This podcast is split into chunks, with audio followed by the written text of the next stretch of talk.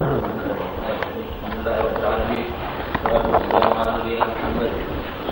اله وصحبه اجمعين قال الإمام أبو عبد الله البخاري رحمه الله تعالى باب نقيع التمر ما لم يسكر حدثنا يحيى بن بكير حدثنا يعقوب بن عبد الرحمن القاري عن أبي حازم. قال سمعت سهل بن سعد الساعدي أن أبا سيد الساعدي رضي الله عنه دعا النبي صلى الله عليه وسلم لعرسه. فكانت امرأته خادمهم يومئذ وهي العروس فقالت هل تدرون ما أنقعت لرسول الله صلى الله عليه وسلم؟ أنقعت له ثمرات من الليل في ثور. باب البادق ومن نهى عن كل مسكر من الأشربة. ورأى عمر وأبو عبيدة ومعاذ شرب الطلاء على الثلث وشرب البراء وأبو جحيفة على النصف. وقال ابن عباس رضي الله عنهما اشرب العصير ما دام طريا. وقال عمر رضي الله عنه وجدت من عبيد الله ريح الشراب وأنا سائل عنه فإن كان يسكر جلسته حدثنا محمد بن كثير أخبرنا سفيان عن أبي الجويرية قال سألت ابن عباس رضي الله عنهما عن البادة. فقال سبق محمد صلى الله عليه وسلم البادة فما أسكر فهو حرام. قال الشراب الحلال الطيب. قال ليس بعد الحلال الطيب إلا الحرام الخبيث. حدثنا عبد الله بن محمد وأبي شيبة. حدثنا أبو أسامة حدثنا هشام بن عروة عن أبيه عن عائشة رضي الله عنها. قالت كان النبي صلى الله عليه وسلم يحب الحلواء والعسل. مقصود ابن عباس رضي الله عنه أن الأسماء تختلف والقاعدة هي التي تعتبر. فما أسكر فهو حرام سمي بالغا أو ويسكي أو كذا أو كذا أو كذا. الأسماء لا لا اعتبار بها فإن الناس يختلفون في لغاتهم واصطلاحاتهم وفي أعرافهم في الأسماء فما أسكر فهو حرام على أي اسم كان. ولهذا أخبر النبي صلى الله عليه وسلم يأتي في آخر الزمان قوم يستحلون الخمر ويسمونها بغير اسمها. فاسمها لا يغير الأسماء لا يغير الأحكام. الخمر وغير الخمر من المحرمات تغيير الأسماء لا يؤثر شيئا. نعم.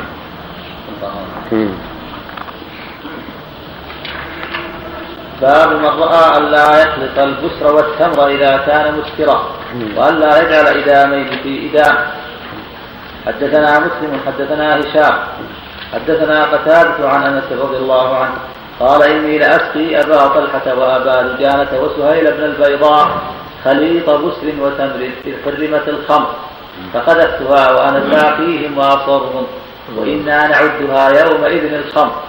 وقال عمرو بن الحارث حدثنا قتادة سمع أنسا حدثنا أبو عاصم حدثنا أبو عاصم عن ابن جريج حدثنا أبو عاصم عن ابن جريج أخبرني عطاء أنه سمع جابر رضي الله عنه يقول نهى النبي صلى الله عليه وسلم عن الزبيب والتمر والبس والرطب. حدثنا مسلم حدثنا هشام أخبرنا يحيى بن أبي كثير عن عبد الله بن أبي قتادة عن أبيه رضي الله عنه قال نهى النبي صلى الله عليه وسلم أن يجمع بين التمر والزهر والتمر والزبيب ولينبل كل واحد منهما على حدة. وذلك لأن الجمع بينهما يسبب سرعة الإسكار شدة الحرارة وسرعة الإسكار. ولهذا شرع أن ينبذ كل واحد على حدة حتى لا يسرع إليه الإسكار. نعم. الجهم وش شيخ الجهم الرطب اللي ما بعد تم يعني نقط منقط بصر فيه رطب مذنب نعم تسمية بالإدامين ولا يجمع بين إدامين وهذا مثل التمر والزبيب نعم. يؤتدم بهما باب شرب اللبن. قول الله عز وجل يخرج من بين فرث ودم لبنا خالصا سائغا للشاربين. حدثنا عبدان وأخبرنا عبد الله. أخبرنا يونس عن الزهري عن سعيد بن المسيب عن أبي هريرة رضي الله عنه أن رسول قال قال أتي رسول الله صلى الله عليه وسلم ليلة أسري به بقدح لبن وقدح خمر. حدثنا الحميدي سمع سفيان اخبرنا سالم أبو النضر أنه سمع عميرا أنه سمع عميرا مولى ام الطفيل يحدث عن أم الفضل رضي الله عنها قالت مولى أم الفضل. أنه سمع نعم. أنه سمع عمير مولى أم الفضل يحدث عن أم الفضل رضي الله عنها قالت شك الناس في صيام رسول الله صلى الله عليه وسلم يوم عرفة. فأرسلت إليه بإناء فيه لبن فشرب. وكان سفيان ربما قال شك الناس في صيام رسول الله صلى الله عليه وسلم يوم عرفة. فأرسلت إليه أم الفضل. فإذا وقف عليه قال هو عن أم الفضل. حدثنا قتيبة حدثنا جرير عن الأعمش عن أبي صالح وأبي سفيان عن جابر بن عبد الله رضي الله عنهما. قال جاء أبو حميد بقدح من لبن من النقيع. فقال له رسول الله صلى الله عليه وسلم ألا خمرته ولو أن تعرض عليه عودا. حدثنا عمر بن حفص حدثنا أبي حدثنا الأعمش. قال سمعت أبا صالح يذكر أراه عن جابر رضي الله عنه. قال جاء أبو حميد رجل من الأنصار. من النقيع بإناء من لبن إلى النبي صلى الله عليه وسلم. فقال النبي صلى الله عليه وسلم ألا خمرته ولو أن تعرض عليه عودا وحدثني أبو سفيان عن جابر عن النبي صلى الله عليه وسلم بهذا. حدثني محمد وهذا واضح في شرعية تحميل الإناء اللي فيه شيء. لا يقع فيه شيء من الحشرات أو شيء من الغبار. أو يعني تخميره أفضل. ولهذا قال ألا خمرته حتى ولو بعرض العود فإنه يعني بامتثال الشرع يكون من أسباب الوقاية ولو كان غطاء غير كامل. نعم. حدثني محمود أخبرنا ابو اخبرنا النضر أخبرنا شعبة عن أبي إسحاق قال سمعت البراء رضي الله عنه قال قدم النبي صلى الله عليه وسلم من مكه وأبو بكر معه قال أبو بكر مرضنا براع وقد عطش رسول الله صلى الله عليه وسلم. قال أبو بكر رضي الله عنه فحلبت كشبة من لبن في قدح فشرب حتى رضيت. وأتانا أسامة وأتانا سراقة بن جعشم على فرس فدعا عليه فطلب إليه سراقة ألا يدعو عليه وأن يرجع. ففعل النبي صلى الله عليه وسلم. حدثنا أبو تقدم تقدم هذا وأنه دعا عليه حتى ساخت قوائم فرسه في الأرض إلى بطنها فقال له سراقة قد علمت أن ما أصابني بأسبابكم فادعوا الله لي ولا أضركم. وأرد عنكم فدعا الله له فأطلق فرسه. وكان في الأول طالبا وفي الأخير مدافعا وذابا نعم الله أكبر. نعم. الله. نعم. حدثنا عبد الرحمن أخبرنا شعيب حدثنا ابو الزناد. عن عبد الرحمن عن أبي هريرة رضي الله عنه أن رسول الله صلى الله عليه وسلم قال نعم الصدقة اللقحة الصفي منحة. الشاة الصفي منحة تغدو بإناء وتروح بآخر. قصة سراقة في خروج النبي صلى الله عليه وسلم من مكة إلى المدينة يوم الهجرة. وهذا فيه دلالة على شرعية المنحة. وأنها من خير الصدقات. كون الإنسان يمنح قريبة أو جارة شاة أو لقحة من الإبل ينتفع بلبنها ثم يردها. بقرة أو شاة أو ناقة ينتفع بلبنها ثم يردها على صاحبها بعد ذهاب الحاجة منها. تروح بقدح وتغدو بقدح وتروح بآخر يعني أنها لأنه يعني يستنفع بها ويحلبها صباحا ومساء نعم. فالمنحة العطية التي هي صدقة على وجه العانية نعم. نعم. هنا بدل من اللقحة نعمل صدقة اللقحة الصفي الشاة نعم. نعم. بدل منها نعم. لا مبتدأ خبر مقدم. نعم المنحة الشاة مبتدأ. نعم الرجل زيد. نعم. الجملة خبر مقدم. نعم. لكن هنا ما فصل بينها في الواقع. نعم اللقحة. نعم الصدقة اللقحة الصفي منحة الشاة الصفي منحة هذا مبتدأ خبر منحة تمييز. ما ربطها نعم. الجملة الثانية ما ربطها بالجملة الأولى. ما ما ما, ما يحتاج. معروف الجنس جنس الجنس نعمة هذا جنس يكفي رابط. أول الجنس يكفي منحة رابط. ثم فسر هذا قولها الشاة الصفي نعم. نعم. حدثنا أبو عاصم عن الأوزاعي عن ابن شهاب عن عبيد الله بن عبد الله عن ابن عباس رضي الله عنه. الحديث الحديث الصحيح رواه البخاري أربعون خصلة أعلاها منيحة العنز ما من مؤمن يتصدق بخصلة منها أو يعمل بخصلة يعمل ما من عهد يعمل بخصلة منها ابتغاء ثوابها وتصدق موعودها إلا أدخله الله بها الجنة. الله أكبر نعم. نعم. حدثنا أبو عاصم عن الأوزاعي عن ابن شهاب عن عبيد الله بن عبد الله عن ابن عباس رضي الله عنهما أن رسول الله صلى الله عليه وسلم شرب لبنا فمضمض وقال إن له دسما وقال إبراهيم بن عن شعبة عن قتادة عن أنس بن مالك رضي الله عنه قال قال رسول الله صلى الله عليه وسلم رفعت إلي السدرة فإذا اربعه أنهار نهران ظاهران ونهران باطنان. فأما الظاهران فالنيل والفرات وأما الباطنان فنهران في الجنة. فاتيت بثلاثة اقداح قدح فيه لبن وقدح فيه عسل وقدح فيه خمر. فأخذت الذي فيه اللبن فشربت. فقيل لي أصبت الفطرة أنت وأمتك. وقال هشام وسعيد وحمام أين هذا وقال إبراهيم بن طهمان نعم. عن شعبة عن قتادة عن أنس بن مالك رضي الله عنه قال قال رسول الله صلى الله عليه وسلم رفعت إلي السدرة فإذا أربعة أنهار نهران باطنان ونهران ظاهران فأما الظاهران فالنيل والفرات وأما الباطنان فنهران في الجنة. فأتيت بثلاثة أقداح قدح فيه لبن وقدح فيه عسل وقدح فيه خمر. فأخذت الذي فيه اللبن فشربت. فقيل لي أصبت الفطرة أنت وأمتك.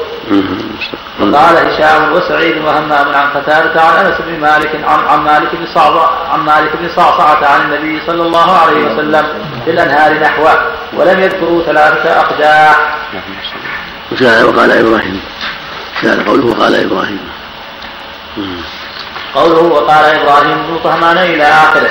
وصله أبو عوانة والإسماعيلي والطبراني في الصغير من طريقه ووقع على علوم في غرائب شعبة بن مندى قال الطبراني لم يروه عن شعبة إلا إبراهيم بن طهمان تفرد به حفص بن عبد الله النيسابوري تفرد به حفص بن عبد الله النيسابوري عنه. قوله رفعت إلي سدرة نعم. بعد نعم. نعم. باب استعداد الماء. حدثنا بركة الشفاء الكلام الأول أول ترجمة. باب نعم. قوله باب نقيع الكلب على المسكين أورد فيه حديث سهل بن سعد في قصة امرأة أبي أسيد وفيه انقعت له ثمرات. وقد تقدم التنبيه عليه قريبا. وتقدم بسنده ومتنه في أبواب الوليمة. وأشار بالترجمه إلى أن الذي اخرجه ابن أبي شيبة عن عبد الرحمن بن معقل وغيره من كراهه نقيع الزبيب محمول على ما تغير وكاد يبلغ حد الإسكار. أو اراد أو أراد قائله حسم المادة كما سيأتي عن عبيدة السلماني أنه قال أحدث الناس أشد أحدث الناس أشربة لا أحدث الناس أشربة لا أدري ما فيها. فما لي شراب إلا الماء واللبن الحديث. تقيده في الترجمة بما لم يسكر مع أن الحديث لا تعرض فيه للسكر لا إثباتا ولا نفيا. إما من جهة أن المدة التي ذكرها سهل وهو من أول الليل إلى أثناء نهاره. لا يحصل فيها التغير جملة. وإما خصه بما لا يسكر من جهة المقام والله أعلم. نعم. باب الباب. نعم. قوله باب الباب طبقه ابن التين بفتح المعجمة ونقل عن الشيخ أبي الحسن يعني القابسي أنه حدث به بكسر بكسر الذال وسئل عن فتحها فقال ما وقفنا عليه. قال وذكر أبو عبد الملك أنه الخمر إذا طبخ وقال ابو التين هو فارسي معرب وقال الجواريقي أصله باده وهو الطلاء. وهو أن يطبخ العصير حتى يصير مثل طلاء الإبل. وقال ابن خطوط البادق المطبوخ من عصير العنب إذا أسكر أو إذا طبخ بعد أن اشتد. وذكر ابن سيدة بالمحكم أنه من أسماء الخمر. وأغرب الداودي فقال إنه يشبه الفقاع إلا أنه ربما اشتد وأسكر. وكلام من هو أعرف منه بذلك يخالفه. ويقال للبادق أيضا المثلث إشارة إلى أنه ذهب منه بالطبخ ثلثا وكذا المنصر وهو ما ذهب نصفه. وتسمية وتسميه العجم. مينختج بفتح الميم. وسكون التحتانية مينختج بفتح الميم وسكون التحتانية وضم وضم الموحدة وسكون المعجمة وفتح المثنات وآخره جيم. ما يخرج بضم الميم نعم. بفتح الميم. نعم. وسكون التحتانية. نعم. وضم الموحدة. وسكون المعجمة. وفتح المثنى. وآخره جيم نعم. نعم نعم. ومنهم من يضم المثنى. وروايته في مصنف ابن أبي شيبة بدال بدل المثنى. وبحذف الميم والياء من أوله. قوله ومن نهى عن كل مسكر من الأشربة. كأنه أخذه من قول عمر رضي الله عنه. فإن كان يسكر جلبته. مع نقله عنه تجويز شرب الطلاء على الثلث فكأنه يؤخذ من الخبرين أن الذي أباحه ما لم يسكر أصلا. وأما قوله من الأشربة فلأن الآثار التي أوردها مرفوعها وموقوفها تتعلق بما يشرب. قد سبق جمع طرق وقد سبق جمع طرق حديث كل كل مسكر حرام في باب الخمر من العسل قوله ورأى عمر وأبو عبيدة ومعاذ شرب الطلاء على الثلث أي رأوا جواز شرب الطلاء إذا طبخ فصار على الثلث ونقص منه الثلثان. وذلك بين من سياق ألفاظ هذه الآثار. فأما أثر عمر رضي الله عنه فأخرجه مالك في الموطأ من طريق محمود بن لبيد الأنصاري أن عمر بن الخطاب رضي الله عنه حين قدم الشام شكا إليه أهل الشام وباء الأرض وباء الأرض وثقلها وقالوا لا يصلحنا إلا هذا الشراب فقال عمر رضي الله عنه اشربوا العسل. قالوا ما يصلحنا العسل. فقال رجال من أهل الأرض هل لك أن هل لك أن تجعل لك من هذا الشراب شيئا لا يسكر فقال نعم. هل لك أن نجعل هل لك أن نجعل لك من هذا الشراب شيئا لا يسكر فقال نعم فطبقوه حتى ذهب منه ثلثان وبقي الثلث. فأتوا به عمر فأدخل فيه إصبعه ثم رفع يده فتبعها فتبعها يتمطر فقال هذا الطلاء مثل طلاء الإبل. فأمرهم عمر أن يشربوه. فقال عمر اللهم إني لا أحل لهم شيئا حرمته عليهم. وأخرج سعيد بن منصور من طريق أبي مجلس عن عامر بن عبد الله.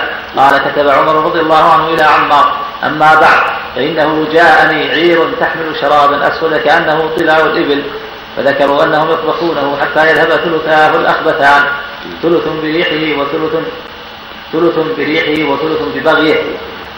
فمر من قبلك فمر من فمر من قبلك أن يشربوا. ومن طريق سعيد بن المسيب أن عمر أحل من الشراب ما طبخ فذهب ثلثاه وبقي ثلثه. وأخرج النسائي من طريق عبد الله بن يزيد الخطمي. قال كتب عمر رضي الله عنه اطبخوا شرابكم حتى يذهب نصيب الشيطان منه فإن للشيطان فإن للشيطان اثنين ولكم واحد. وهذه أسانيد صحيحة. وقد أفصح بعضها بأن المحذور منه السكر فمتى أسكر لم يحل. وكأنه أشار بنصيب الشيطان إلى ما أخرجه النسائي من طريق ابن من طريق ابن في قصة نوح عليه السلام. قال لما ركب السفينة قال لما ركب السفينة فقد الحبلة. فقال له فقال له الملك إن الشيطان أخذها. ثم أحضرت له ومعها الشيطان. فقال له الملك إنه شريكك فيها فأحسن الشركة. قال قال له النصف قال أحسن. قال له الثلثان ولي الثلث. قال أحسنت وأنت وأن قال أحسنت وأنت محسان. أن تأكله عنبا وتشربه عصيرا. وما طبخ على الثلث فهو لك ولذريتك وما جاز عن الثلث وما جاز عن الثلث فهو من نصيب الشيطان.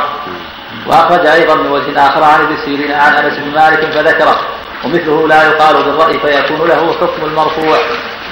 وأغرب ابن حزم فقال فقال أنس بن مالك لم يدرك نوحا فيكون منقطعا. وأما أثر أبي عبيدة وهو ابن الجراح ومعاذ وهو ابن جبل فأخرجه أبو مسلم الكجي.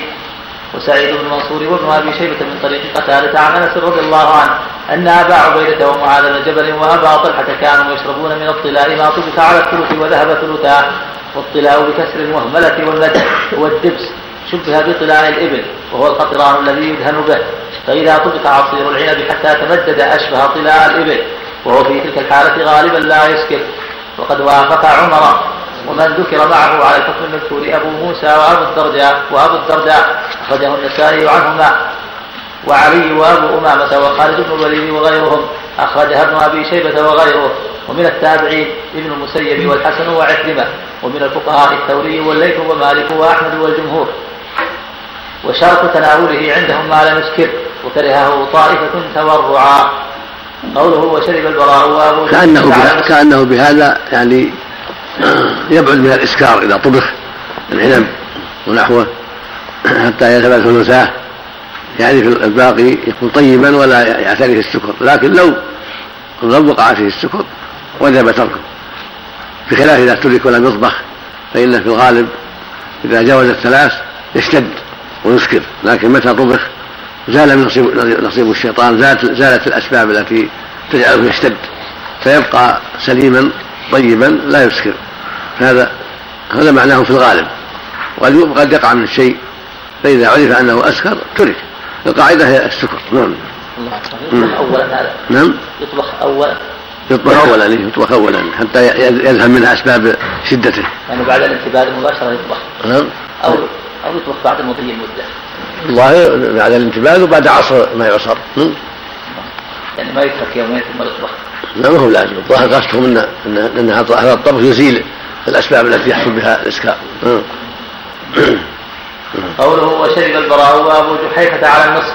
أما أثر البراء فأخذه ابن ابي شيبه من رواية عدي بن ثابت عنه أنه كان يشرب الطلاء على النصف أي إذا طبخ فصار على النصف. وأما أثر أبي جحيفة فأخذه ابن ابي شيبه أيضا من طريق حسين بن عبد الرحمن. قال رأيت أبا جحيفة فذكر مثله. ووافق ووافق البراء. ووافق البراء وابو جحيفه جرير وأنس. البراء وابا ومن التابعين من الحنفية وشريح. وأطلق الجميع على أنه إن كان يسكر حرب. قال أبو عبيدة في الأشربة بلغني أن النصف يسكر فإن كان كذلك فهو حرام. والذي يظهر أن ذلك يختلف باختلاف أعناب البلاد فقد قال ابن حزم إنه شاهد من العصير ما إذا طبخ إلى الثلث ينعقد ولا يصير مسكرا أصلا. ومنه ما إذا طبخ إلى النصف كذلك. ومنه ما إذا طبخ إلى الربع كذلك بل قال إنه شاهد منه ما يصير ربا خاطرا لا يسكر ومنه ما لو طبخ لا يبقى غير ربعه لا يخطر ولا ينفك السكر عنه. قال فوجب أن يحمل ما ورد عن الصحابة من أمر الطلاء على ما لم يسكر بعد على ما لا يسكر بعد الطبخ. وقد ثبت عن ابن عباس رضي الله عنهما بسند صحيح أن النار لا تحل شيئا ولا تحرمه. أخرجه النسائي من طريق عطاء عنه وقال إنه يريد بذلك ما نقل عنه في الطلاء وأخرج أيضا من طريق طاووس قال هو الذي يصير مثل العسل. قال هو الذي يصير قال هو الذي يصير مثل العسل ويؤكل ويصب عليه الماء فيشرب. قوله وقال ابن عباس رضي الله عنهما اشرب العصير ما دام طريا. وصله النسائي من طريق أبي ثابت الثعلبي. قال كنت عند ابن عباس رضي الله عنهما فجاءه رجل يسأله عن العصير فقال اشربه ما كان طريا. قال إني طبخت شرابا وفي نفسي منه شيء. قال أكنت شاربه قبل أن تطبخه قال لا. قال فإن النار لا تحل لا تحل شيئا لا تحل شيئا قد حرم. وهذا مراد يعني إنه إذا اشتد الخمر ما عاد يجوز تحليله. لأن سئل عن الخمر اتخاذ خلا قال لا. إذا اشتد وجب إراقته. لكن هذا الطبخ يكون قبل قبل أن يشتد. ما دام عصيرا ما دام خلا فإذا طبخ امتنع منه الإسكار في الغالب. أما كونها صارت خمرا ثم يطبخها حتى يزول خمرها لا يصلح. نعم. اذا اشتدت واسكرت وجب إراقتها وإتلافها. نعم. وهذا يقيد ما أطلق في الآثار الماضية. وهو أن الذي يطبخ إنما هو العصير الطري قبل أن يتخمر. أما لو صار خمرا فطبخ فإن الطبخ لا يطهره ولا يحله. إلا على رأي من يريد تخريج الخمر. والجمهور على خلافه. وحجتهم الحديث الصحيح عن أنس وأبي طلحة أخرجه مسلم. وأخرج ابن أبي شيبة والنسائي من طريق سعيد بن المسيب والشعبي والنخعي اشرب العصير ما لم يغلو. وعن الحسن البصري ما لم يتغير. بعد قوله. قوله وقال عمر بن الخطاب وجدت من عبيد الله بالتصغير وهو ابن عمر. قوله ريح شراب وأنا سائل عنه فإن كان يسكر جلسته وصله مالك عن الزهري عن السائب بن يزيد أنه أخبره أن عمر بن الخطاب رضي الله عنه خرج عليهم. فقال إني وجدت من فقال إني وجدت من فلان ريح شراب فزعم أنه شرب الطلاء. وإني سائل عما شرب فإن كان يسكر جلدته فجلده عمر الحد تامة وسنده صحيح. في حذف تقديره فسأل عنه فوجده يسكر فجلده. وأخرجه سعيد بن منصور عن ابن عيينة عن الزهري. سمع السائب بن يزيد يقول قام عمر على المنبر فقال ذكر, ذكر لي أن عبيد الله بن عمر وأصحابه شربوا شرابا وأنا سائل عنه فإن كان يسكر حدثتهم. قال ابن عيينة فأخبرني معمر عن الزهري عن السائب قال فرأيت عمر يجلدهم. وهذا الأثر يؤيد ما قدمته أن المراد بما أحله عمر من المطبوخ الذي يسمى الطلاء. ما لم يكن بلغ حد الإسكار فإن بلغه لم يحل عنده. ولذلك جلدهم ولم يستفصل هل شربوا منه قليلا أو كثيرا. وفي هذا رد على من احتج بعمر في جواز شرب المطبوخ إذا ذهب منه الثلثان ولو أسكر فإن عمر أذن في شربه ولم يفصل. وتعقب بأن الجمع بين الأثرين عنه يقتضي التفصيل. وقد ثبت عنده أن كل مسكر حرام فاستغنى عن التفصيل. ويحتمل أن يكون سأل ابنه فاعترف بأنه شرب كذا فسأل غيره عنه فأخبره أنه يسكر. أو سأل ابنه فاعترف أن الذي شرب يسكر. وقد بين ذلك عبد الرزاق في روايته عن معمر فقال عن الزهري عن السائل شهدت عمر صلى على جنابة ثم أقبل علينا فقال إني وجدت من عبيد الله بن عمر ريح شراب وإني سألته عنه فزعم أنه الطلاء وإني سائل عن الشراب الذي شرب فإن كان مسكرا جلدته. قال فشهدته بعد ذلك يجلده. قلت وهذا السياق يوضح أن رواية ابن جريج التي أخرجها عبد الرزاق أيضا عنه عن الزهري مختصرة من هذه القصة. ولفظه عن السائل أنه حضر عمر يجلد رجلا وجد منه ريح شراب فجلده الحد تامة فإن ظاهره أنه جلده بمجرد وجود الريح منه وليس كذلك لما تبين من رواية معمر. وكذلك ما أخرجه ابن أبي شيبة من طريق ابن أبي ذئب عن الزهري عن السائل أن عمر كان يضرب في الريح.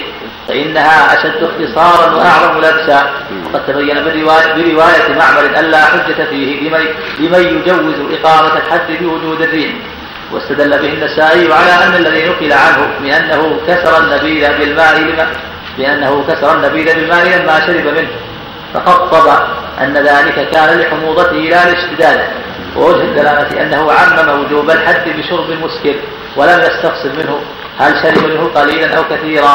فدل على أن ذلك النبيذ الذي قطب منه لم يكن بلغ حد الإسكار أصلا واستدل به على جواز إقامة الحد بالرائحة وقد مضى في فضائل القرآن النقل عن ابن مسعود أنه عمل به ونقل ابن المنذر عن عمر بن عبد العزيز ومالك مثله.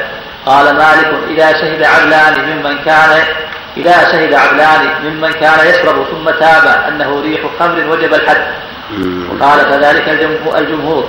فقالوا لا يجب الحد إلا بالإقرار أو البينة على مشاهدة الشرب. ليش سطر وخالف ابن المنذر. نعم. عن عمر بن عبد العزيز ومالك مثله. قال مالك إذا شهد عدلان ممن كان يشرب ثم تاب أنه ريح خمر وجب الحد. خالف ذلك الجمهور فقالوا لا يجب الحد. وخالف؟ خالف ذلك. نعم. وخالف ذلك الجمهور. نعم. فقالوا لا يجب الحد إلا بالإقرار أو البينة على مشاهدة الشرب. لأن الروائح قد تتفق والحد لا يقام مع الشبهة وليس في قصة عمر التصريح أنه جلده بالرائحة بل ظاهر سياقه يقتضي أنه اعتمد في ذلك على الإقرار أو البينة لأنه لم يجلدهم حتى سأل. وفي قول عمر اللهم لا أحل لهم شيئا حرمته عليهم. رد على من استدل بإجازته شرب المطبوخ أنه يجوز عنده الشرب منه ولو أسكر شاربه لكونه لم يفصل بين ما إذا أسكر أو لم يسكر. فإن بقية أثر عمر الذي ذكرته يدل على أنه فصل بخلاف ما قال الطحاوي وغيره. قوله سفيان هو الثوري قوله عن الجويرية بالجيم مصغرا اسمه حطاح يا شيخ أحسن الله إليك. كيف يكون النيل والفرات من الأنهار الجنة؟ بين العلماء هذا أنها أسماء متوافقة. نهران باطنان ونهران ظاهران ظاهران النيل والفرات والباطنان السيح والجيحون قال جمع إنها أسماء متوافقة وافقت ما في الدنيا وقال آخرون لا مانع من أن يكون ما في الدنيا أصله من هذه الأنهار وان الله أنزل منها شيئا وجعله سببا لهذه الأنهار التي في الأرض السيح والجيحون والنيل والفرات محتمل هذا وهذا نعم. الله يقتضي التحريم في الجمع بين البشر والتساوي. ظاهر نعم نعم. كم حد الخمرة؟ نعم. إذا شرب أول مرة كم حد؟ كم الحد؟ كان يجلس في عهد النبي أربعين جلدة فلما رأى عمر الناس تمادوا في هذا الشيء جعله ثمانين. وكما استمر الصحابة على جلد ثمانين جلدة. نعم. بسم الله الرحمن الرحيم. الحمد لله رب العالمين. صلى الله وسلم على نبينا محمد وعلى آله وصحبه أجمعين. قال الإمام الحافظ ابن كثير رحمه الله في تفسير قوله تعالى وإن كنتم في ريب مما نزلنا على عبدنا فأتوا بسورة من فيه وادعوا شهداءكم من دون الله إن كنتم صادقين. فإن لم تفعلوا ولن تفعلوا فاتقوا النار التي وقودها الناس وفي قصة عمر دلالة على غيرته رضي الله عنه وعدم محاذاته فإن ولده لما تحقق منه أنه شرب شرب هذا المسكر أقام عليه الحد هو وأصحابه كانوا قد تأولوا وقالوا أنه لا يسكر. أنه لكن لما سأل وعرف أنه يسكر أقام عليهم الحد على عبيد الله بن عمر وعلى أصحابه الذين معه. نعم. وهذا من عنايته رضي الله عنه في حماية المسلمين من الشر سد ذراع الشر والحرص على سلامة المجتمع من أسباب الفساد. نعم. اللهم المستعان نعم. بسم الله الرحمن الرحيم. الحمد لله رب العالمين والصلاة والسلام على نبينا محمد وعلى آله وصحبه أجمعين. اللهم صل قال الإمام قال الإمام أبو عبد الله البخاري رحمه الله تعالى. باب استعذاب الماء. حدثنا عبد الله بن مسلمة عن مالك عن إسحاق بن عبد الله أنه سمع أنس بن مالك رضي الله عنه يقول كان أبو طلحة أكثر أنصار كان أبو طلحة أكثر أنصاري بالمدينة مالا من نخل وكان أحب ماله إليه بيرحاء وكانت مستقبل المسجد. وكان رسول الله صلى الله عليه وسلم يدخلها ويشرب من ماء فيها طيب. قال أنس رضي الله عنه فلما نزلت لن تنالوا البر حتى تنفقوا مما تحبون. قام أبو طلحة فقال يا رسول الله إن الله يقول لن تنالوا البر حتى تنفقوا مما تحبون وإن أحب مالي إلي بيرحاء وإنها صدقة لله أرجو برها وذكرها عند الله. فضعها يا رسول الله حيث أراك الله. فقال رسول الله صلى الله عليه وسلم بخ ذاك ذلك مال رايح أو رابح. شك عبد الله وقد سمعت ما قلت. وإني أرى أن تجعلها في الأقربين. فقال أبو طلحة أفعل يا رسول الله. فقسمها أبو طلحة في أقاربه وفي بني عمه. وقال إسماعيل ويحيى بن يحيى رايح. وهذا يدل على منقبة أبي طلحة هو زيد بن سهل الأنصاري رضي الله عنه وهو زوج أم سليم أم, أم أنس. ومن خيرة الأنصار رضي الله عنهم وأرضاهم. في هذا فقه الصحابة وحرصهم على الخير رضي الله عنهم وأرضاهم. لما سمع هذه الآية الكريمة لن تنالوا البر حتى تنفقوا مما تحبون تقدم إلى النبي صلى الله عليه وسلم وقال هذا الكلام إن أحب أموالي إلي بروحه إن سمعت الله يقول لن تنالوا البر حتى تنفقوا مما تحبون. وإنها صدقة لله أرجو برها وذكرها عند الله. والله يا خير أراك الله. هذا يدل على الفقه العظيم الكتاب العزيز والمسابقة إلى الخير والحرص على التقرب إلى الله بما يحبه العبد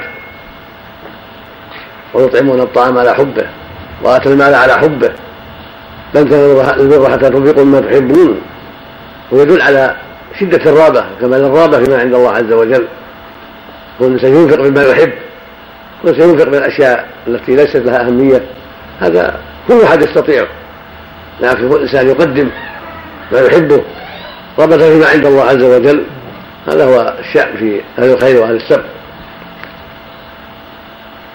وفي هذا فضل الصدقة في الأقربين فإنها تجمع صلة الرحم والصدقة كما في حديث سلمان بن عامر الضبي الصدقة على المسكين صدقة وعلى ذي الرحم مثلتان صدقة وصلة. الحديث الصحيح يقول صلى الله عليه وسلم من أحب أن يبسط له في رزقه وأن ينسأ له في أجله فليصل رحمه. صلة الرحم قربة عظيمة والصدقة على المسكين قربة عظيمة فإذا اجتمعتا صدقة وصلة صار خيرا إلى خير. نعم. الله باب شرب اللبن بالماء. حدثنا ومعنى لم تكن بر يعني كماله. يعني كمال البر وتمامه. نعم. نعم. حدثنا عبدان وأخبرنا عبد الله. أخبرنا يونس عن الزهري قال أخبرني أنس بن مالك رضي الله عنه. راى رسول الله صلى الله عليه وسلم شرب لبنا وأتى داره فحلبت شاة فشبت لرسول الله صلى الله عليه وسلم من البئر فتناول القدح فشرب. وعن يساره أبو بكر وعن يمينه أعرابي فأعطى الأعرابي فضله ثم قال الأيمن فالايمن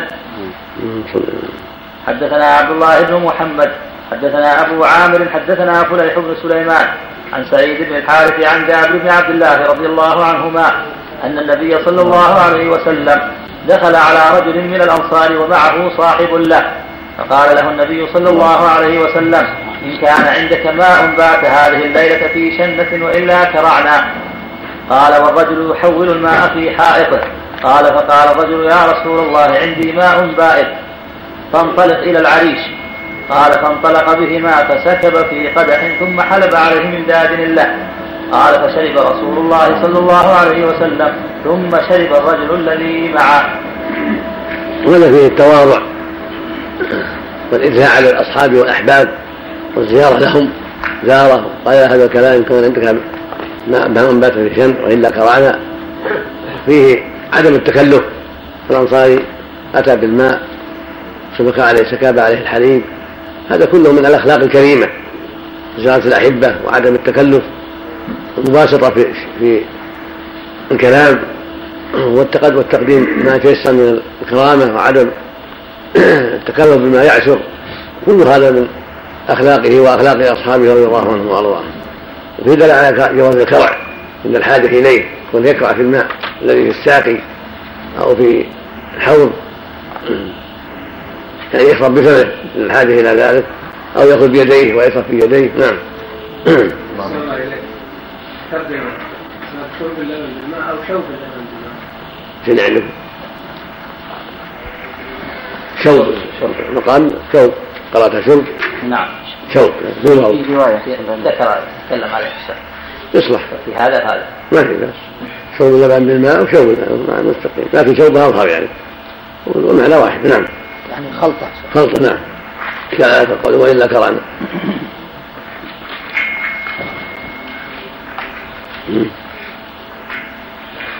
قوله قوله وإلا كرعنا فيه حذف تقديره فاسقنا وإن لم يكن عندك كرعنا بس. كم؟ لا. وإن لم يكن عندك كرعنا ووقع في رواية ابن ماجه التصريح بطلب السقي.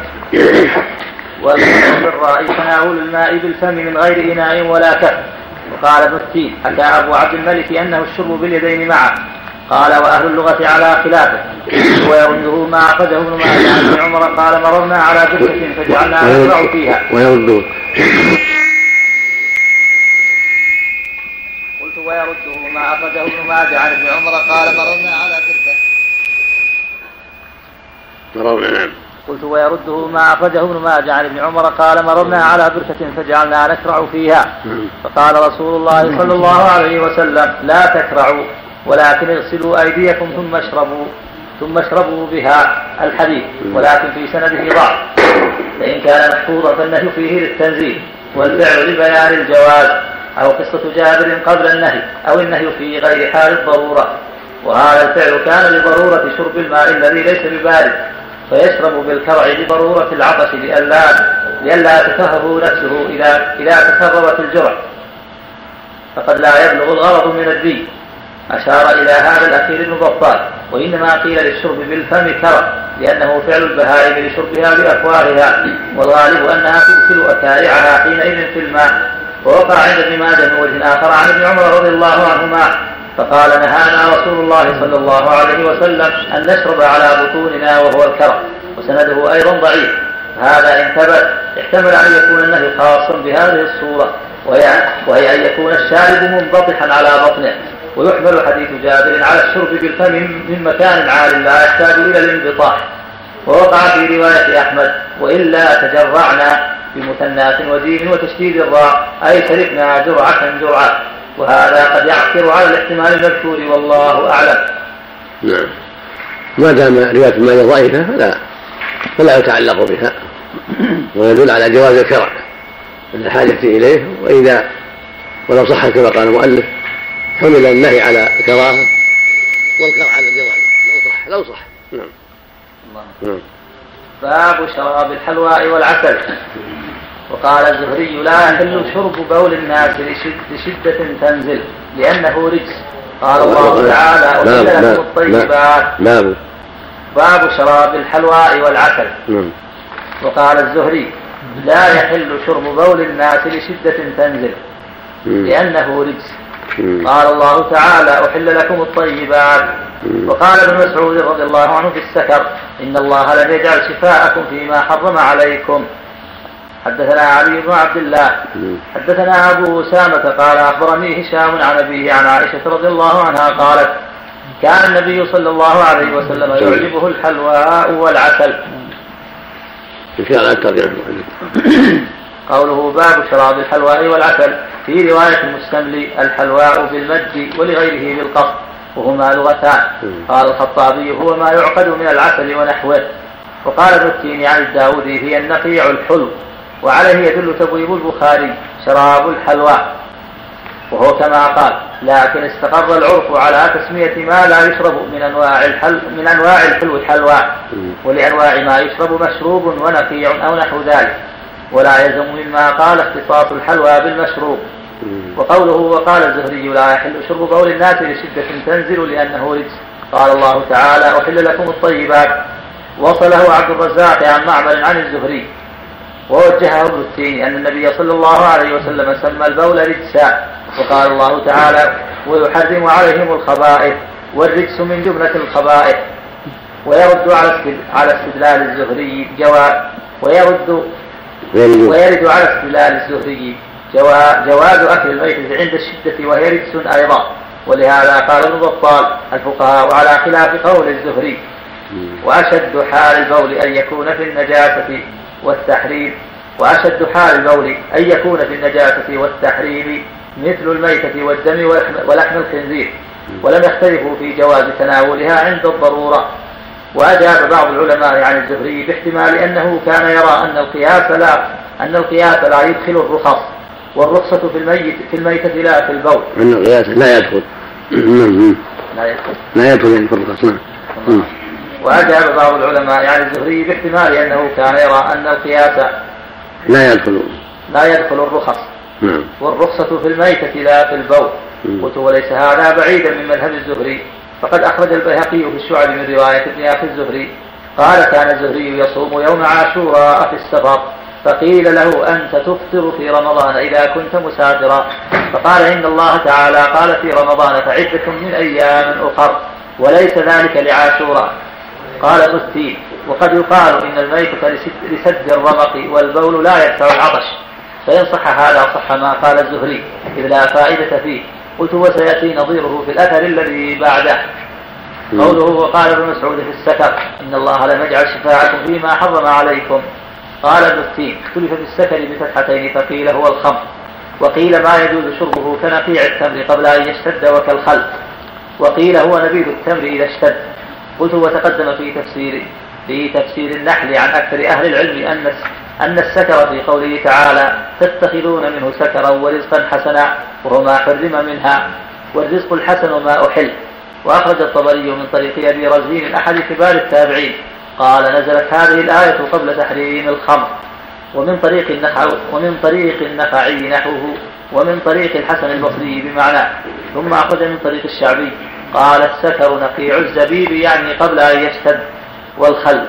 واختار الطبري هذا القول وانتصر له لأنه لا يستلزم منه دعوى نسخ ويستمر الامتنان بما تضمنت الآية على ظاهره بخلاف القول الأول فإنه يستلزم النسخ والأصل عدمه.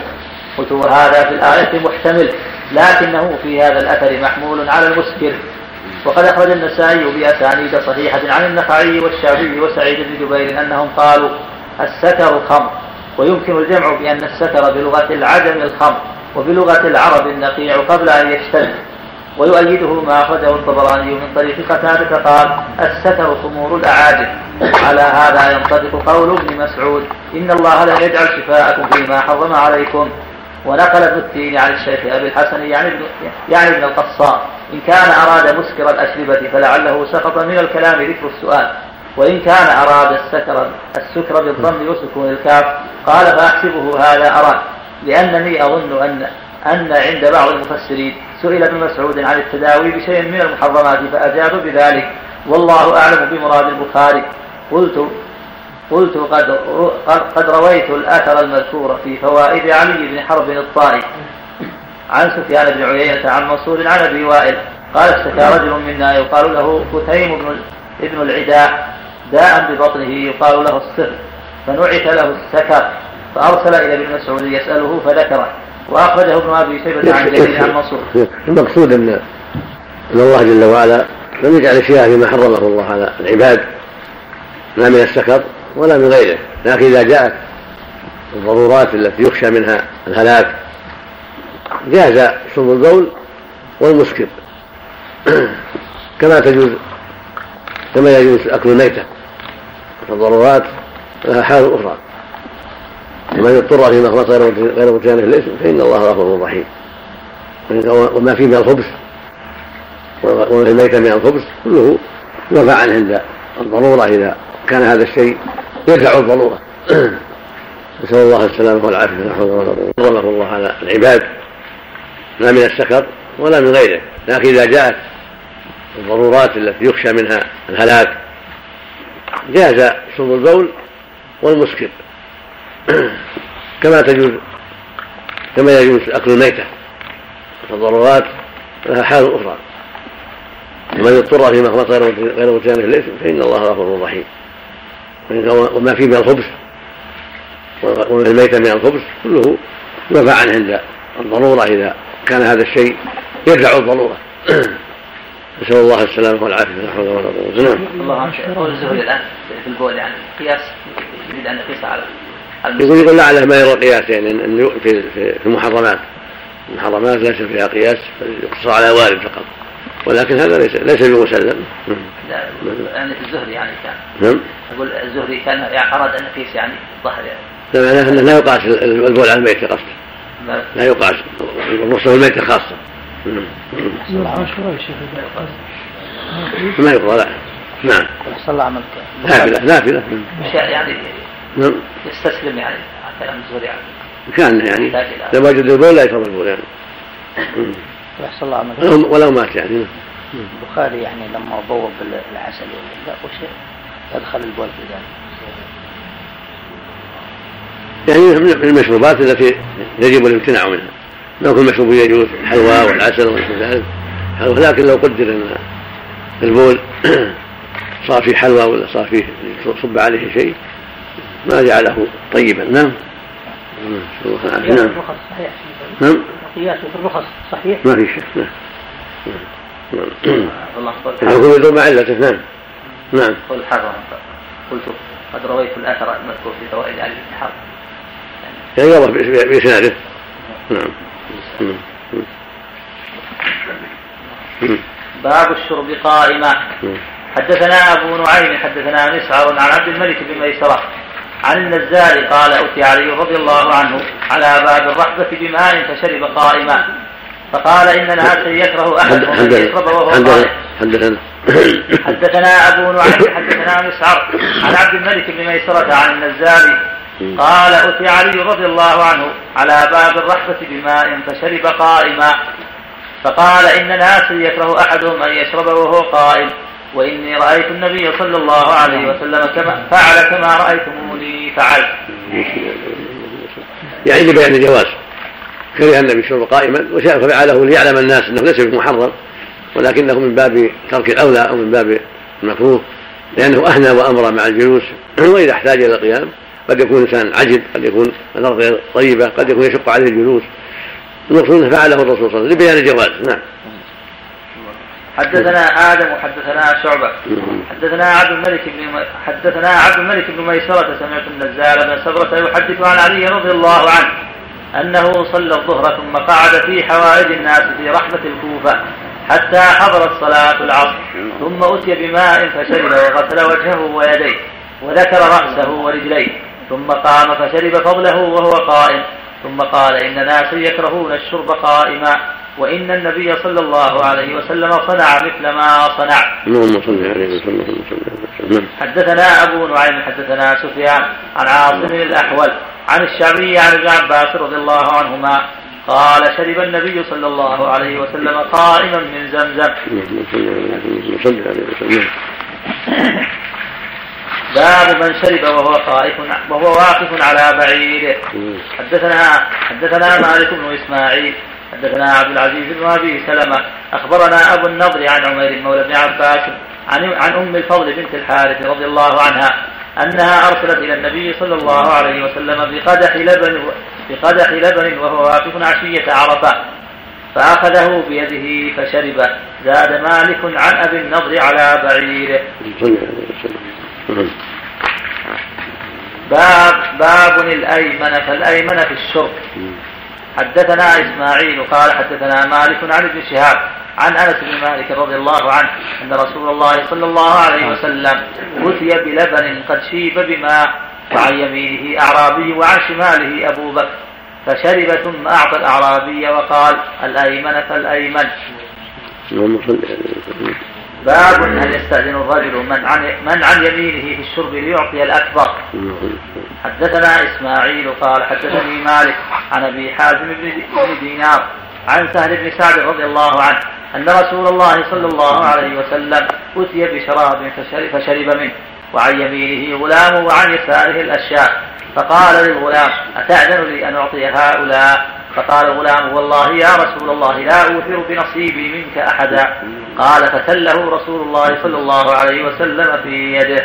وهذا يدل على أن الأيمن أولى بالفضلة ولو كان أعرابيا ولو كان مفضولا بالنسبة إلى من على اليسار ولو كان صبيا. ولكن لمن بيده الشراب يستأذن. إذا أحب أن يستأذن فلا بأس. يقول لمن عن يمينه من المفضولين إن شئتم أن تسمحون أن نعطي هؤلاء على اليسار. إذا سمحوا فلا بأس. وإلا فالأصل هو الأيمن فالأيمن. وتقدم النبي صلى الله عليه وسلم يستأذن في قصة الأعرابي مع أبي بكر. فالمقصود أنه إن شاء استأذن وإن شاء صبه تله بيد من على يمين ولم يستأذن. الله عنك يا شيخ هذا يرجع إلى ما يراه الشارب في الاستئذان وعدمه نعم قوله تله هل يدل على ذلك فيه غضب؟ نعم ما في غضب له. تله جعله في يده. نعم. نثار الشارع. نعم. نثار الشارع. نعم والله نعم. نعم. هذا كبل مخصوص هذا. كبل كبل عند الاستواء. نعم. نعم. نعم. أما إذا كان الصغير عن اليسار عن اليمين والكبير عن اليسار يقدم اليمين. نعم. الخروج من البيت نعم. الخروج من البيت والدخول فيه يقاس عليه. آه، خروج الأيمن فالأيمن. يعني يقدم رجله اليمنى ولا قصد؟ الأشخاص إذا استمعوا ما أدري. نعم. ما الناس منازلهم نعم. ما بين الناس منازلهم هذا من انزال الناس منازلهم انزله منزله شرعيه الايمن مقدم نعم. نعم. باب الفرع في الحوض. بارك اللهم صل نعم. نعم. تبدأ بالأصل. تبدأ بالمقصود. تبدأ بالمقصود. جهة المقصود. راس الراس المقصود. نعم. ثم بعدين من يمينك أو غيره تقدم الافضل ما في شيء يعني. ما على في شيء. لكن المقصود هو لأن الناس إذا دخلوا قصدوا النبي صلى الله عليه وسلم. نعم بعد المقصود الأيمن ولا؟ الأمر واسع ما ما عليه في شيء. أقول الأمر في هذا واسع. نعم. الحمد لله رب العالمين والصلاة والسلام على أشرف الأنبياء والمرسلين نبينا محمد. عفوا ما أحسن بالله. في الهدى اللهم صل نعم. وعلى آله وأصحابه أجمعين. قال الإمام البخاري رحمه الله تعالى باب خدمة الصغار الكبار. حدثنا مسدد حدثنا معتمر عن أبيه قال سمعت باب. باب باب الكرع في الحرب نعم. حدثنا يحيى بن صالح حدثنا فليح بن سليمان عن سعيد بن الحارث عن جابر بن عبد الله رضي الله عنهما أن النبي صلى الله عليه وسلم دخل على رجل من الأنصار ومعه صاحب له. فسلم النبي صلى الله عليه وسلم وصاحبه فرد الرجل وقال يا رسول الله بأبي أنت وأمي وهي ساعة حارة. وهو يحول في حائط له يعني الماء. فقال النبي صلى الله عليه وسلم إن كان عندك ماء بات في شنة وإلا كرعنا والرجل يحول الماء في حائط فقال الرجل يا رسول الله عندي ماء بات في شنة فانطلق إلى العريش فسكب في قدح ماء ثم حلب عليه من دابن له فشرب النبي صلى الله عليه وسلم ثم أعاد فشرب الرجل الذي جاء معه نعم تقدم هذا باب خدمة الصغار الكبار. حدثنا مسدد حدثنا معتمر عن أبيه. قال سمعت أنس رضي الله عنه قال كنت قائما على الحي يسقيهم عمومتي وأنا اصغرهم الفضيق فقيل حرمت الخمر. فقال اكفأها فكفأنا قلت لأنس ما شراب؟ قال رطب وبشر. فقال أبو بكر بن أنس. وكانت خمرا فلم ينكر أنس. حدثني بعض أصحابي أنه سمع أنسا يقول كانت خمرهم يومئذ. وقد سبق ذلك نعم. يعني خمرهم الغالب عليها البصر والتمر. يعني العنب قليل كما تقدم. عن أنس نعم. باب تغطية الإناء حدثنا إسحاق بن منصور أخبرنا روح بن عبادة أخبرنا ابن جريج قال أخبرني عطاء أنه سمع جابر بن عبد الله رضي الله عنهما يقول قال رسول الله صلى الله عليه وسلم إذا كان جنح الليل أو أمسيتم فكفوا صبيانكم فإن الشياطين تنتشر حينئذ.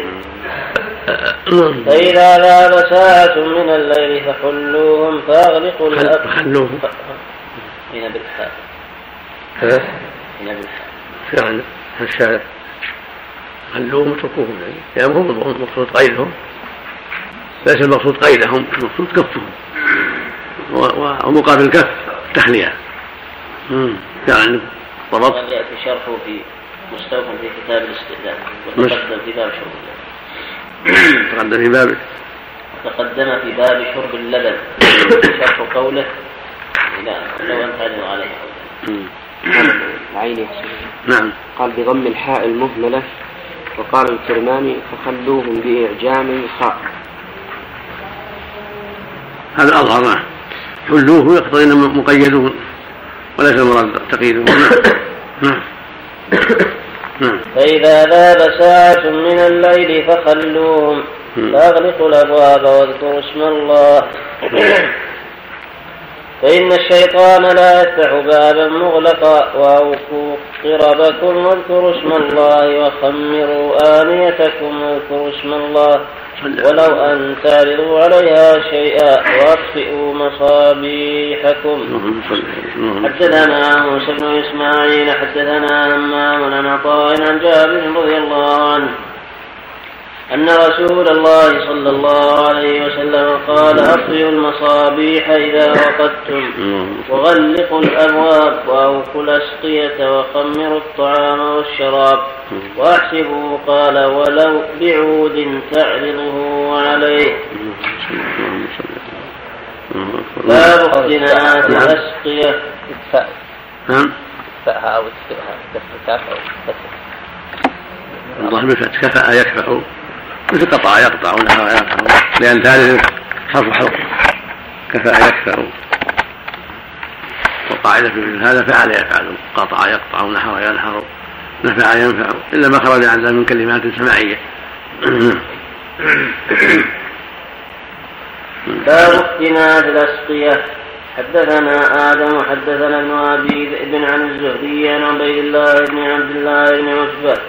عن أبي سعيد الخدري رضي الله عنه. حدثنا.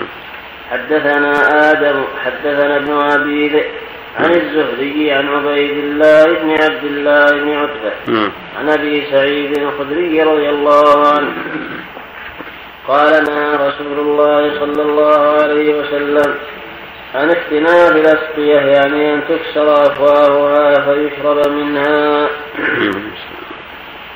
قدم هذا وأن هذا قد يفضي إلى دخول شيء في حلق الإنسان في جوف الإنسان من السقاء من عود أو حشرة أو كذا أو كذا عند شربه من الفم فلهذا ينبغي يصب في يديه حتى يرى أو في إناء إن كان عنده إناء. نعم. إلا عند الضرورة. نعم. حدثنا محمد بن مقاتل أخبرنا عبد الله أخبرنا يونس عن الزهري قال حدثني عبيد الله بن عبد الله أنه سمع أبا سعيد الخدري رضي الله عنه يقول سمعت رسول الله صلى الله عليه وسلم ينهى عن اختناث الأسقياء قال عبد الله قال معمر أو غيره هو الشرب من أفواهها. الله. نعم. قدم أنه شرب من في قربة اختلت لها عند الحاجة. فقطعتها صاحبة القربة قطعت طرفها نعم نهي التحريم أو تنزيه ظاهره التنزيه لأنه ورد الشرب منها عند الحاجة. الأصل في هذا التحريم لكن المراد من شربه منها في بعض الأحيان يدل عنه للأدب والكراهة والحماية مما يضر الإنسان. نعم. باب الشرب من فم السقاء. نعم. حدثنا علي بن عبد الله حدثنا سفيان حدثنا أيوب قال قال لنا عكرمة ألا أخبركم بأشياء؟ نعم. ألا أخبركم بأشياء قصار؟ حدثنا بها أبو هريرة نهى رسول الله صلى الله عليه وسلم عن الشرب من فم القربة أو السقاء. وأن يمنع جاره أن يغرز خشبة في داره. حدثنا مسدد حدثنا إسماعيل وأخبرنا ايوب عن كلمة عن أبي هريرة رضي الله عنه نهى النبي صلى الله عليه وسلم ان يشرب من في السقاء. حدثنا مسدد حدثنا يزيد بن زريع حدثنا خالد عن كلمة عن ابن عباس رضي الله عنهما قال نهى النبي صلى الله عليه وسلم عن الشرب من في السقاء باب النهي عن التنفس في الإناء ترجم عليه ترجم أحكام. هناك الأسقية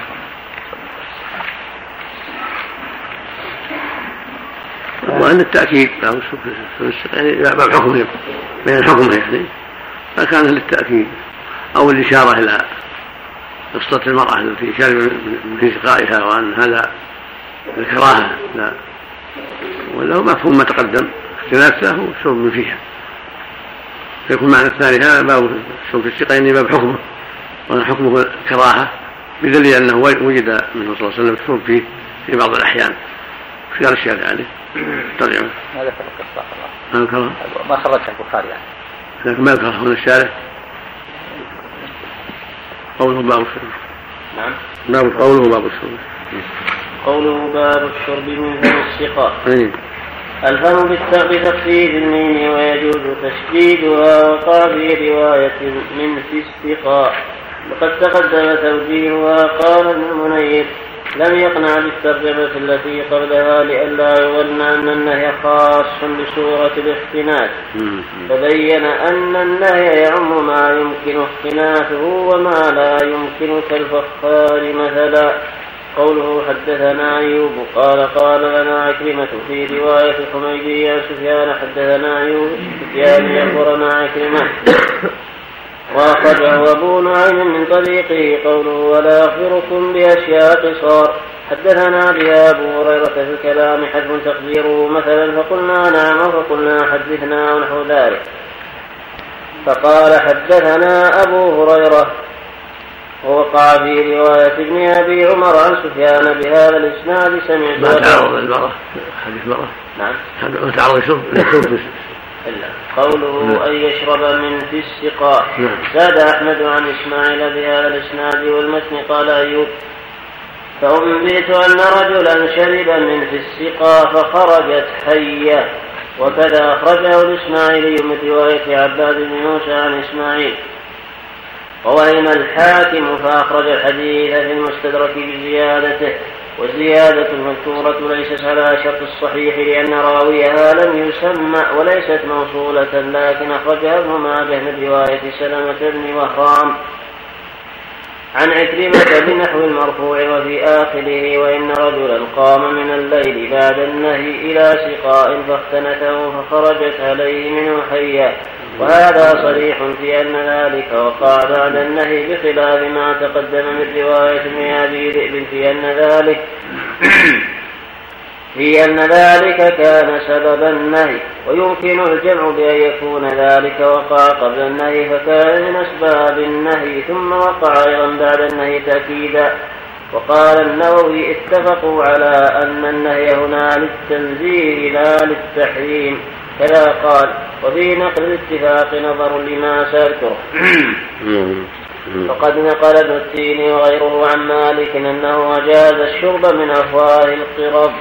وقال لم يبلغني فيه نهي وبالغ ابن بطال في رد هذا القول واعتذر عنه ابن المنير باحتمال أنه كان لا لا يحمل النهي فيه على التحريم كذا قال مع النقل عن مالك أنه لم يبلغ فيه نهي فالاعتذار عنه بهذا القول أولى والحجة قائمة على من بلغه النهي.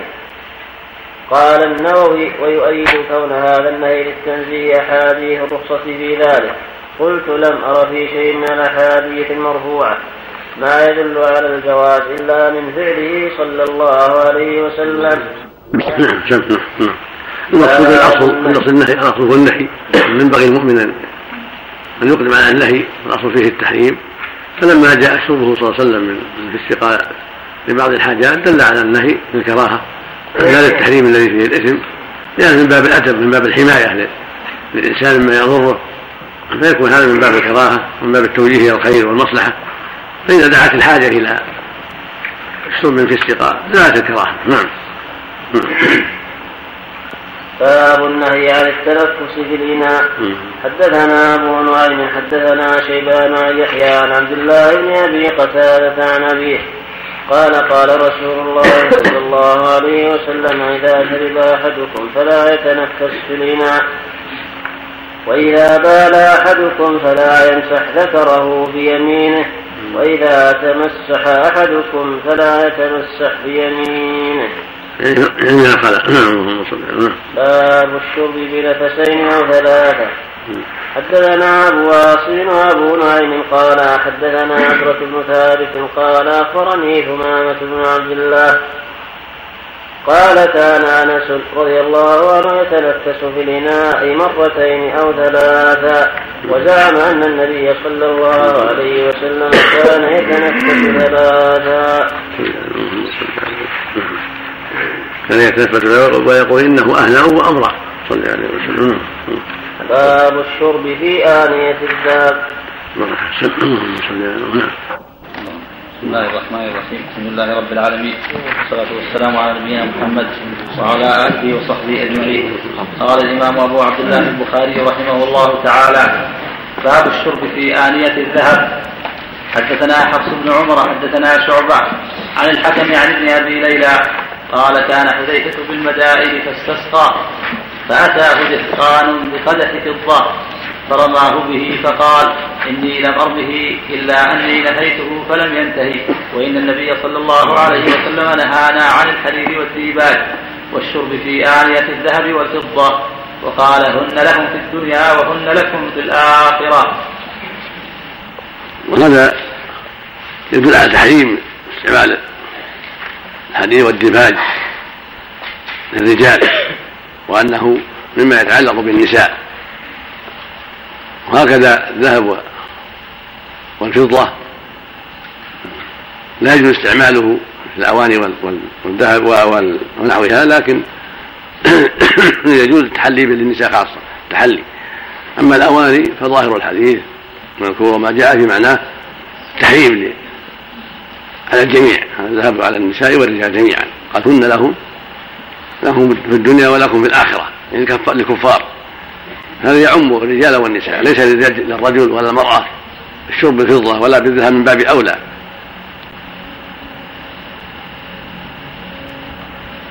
قد جاء في رواية مسلم الذي يشرب في إناء الذهب والفضة إنما يجرجر في بطنه نار جهنم. حديث أم سلمة.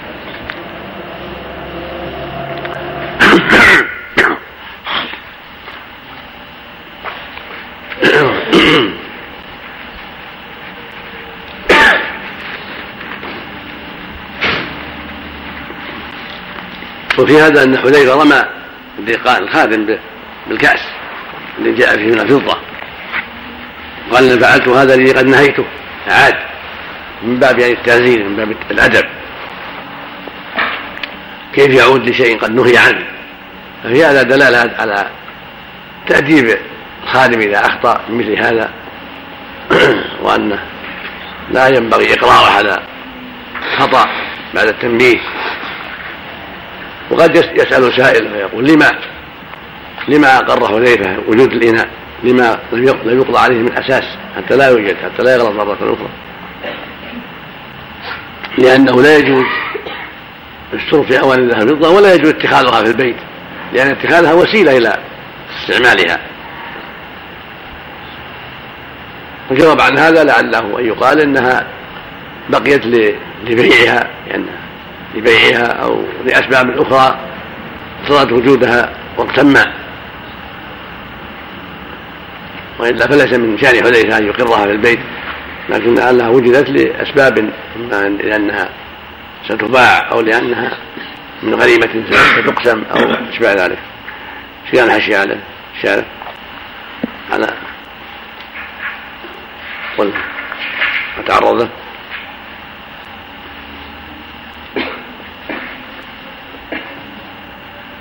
قوله قوله فاستسقى فأتاه دهقان.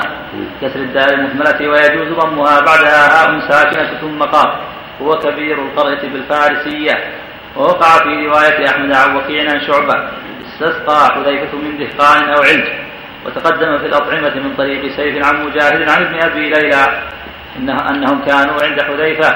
فاستسقى فسقاهم مجوسي ولم أقف على اسمه بعد البحث. وقوله بقدح فضة في رواية أبي داود عن حفص شيخ البخاري فيه بإناء من فضة ولمسلم من طريق عبد الله ولمسلم من طريق عبد الله بن عكيم كنا عند حذيفة فجاءه دهقان بشراب في إناء من فضة ويأتي في اللباس عن سليمان بن حرب عن شعبة بلفظ بماء في إناء قوله فرماه به في رواية وكيع فحذفه به ويأتي في الذي يليه بلفظ فرمى به في وجهه. ولأحمد ولأحمد من رواية يزيد ولأحمد من رواية يزيد عن ابن أبي ليلى ما يألو أن يصيب به وجهه. زاد في رواية الإسماعيلي وأصله عند مسلم فرماه به فكسره. قوله فقال إني لم أرمه إلا أني نهيته فلم ينتهي. في رواية الإسماعيلي المذكورة لم أكسره إلا أني نهيته فلم يقبل. وفي رواية وكيع ثم أقبل ثم أقبل على القوم فاعتذر. وفي رواية يزيد لولا أني تقدمت إليه مرة أو مرتين لم أفعل به هذا. في رواية عبد الله بن عكيم إني أمرته ألا يسقيني فيه ويأتي في الذي بعده مزيد فيه. قوله وإن النبي صلى الله عليه وسلم نهانا عن الحرير والديباج سيأتي في اللباس التصريح ببيان النهي عن لبسهما وفيه بيان الديباج ما هو.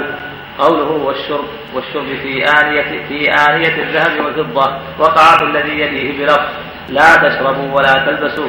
وكذا عند أحمد من وجه آخر عن الحكم. كذا وقع في معظم الروايات عن حذيفة الاقتصار على الشرب. ووقع عند أحمد من طريق مجاهد عن ابن أبي ليلى بلفظ نهى أن يشرب في آنية الذهب والفضة وأن يؤكل فيها. ويأتي نحوه في حديث أم سلمة في الباب الذي يليه. قوله وقال هن لهم في الدنيا وهن لكم في الآخرة. كذا فيه بلفظ هن بضم الهاء وتشديد النون في الموضعين.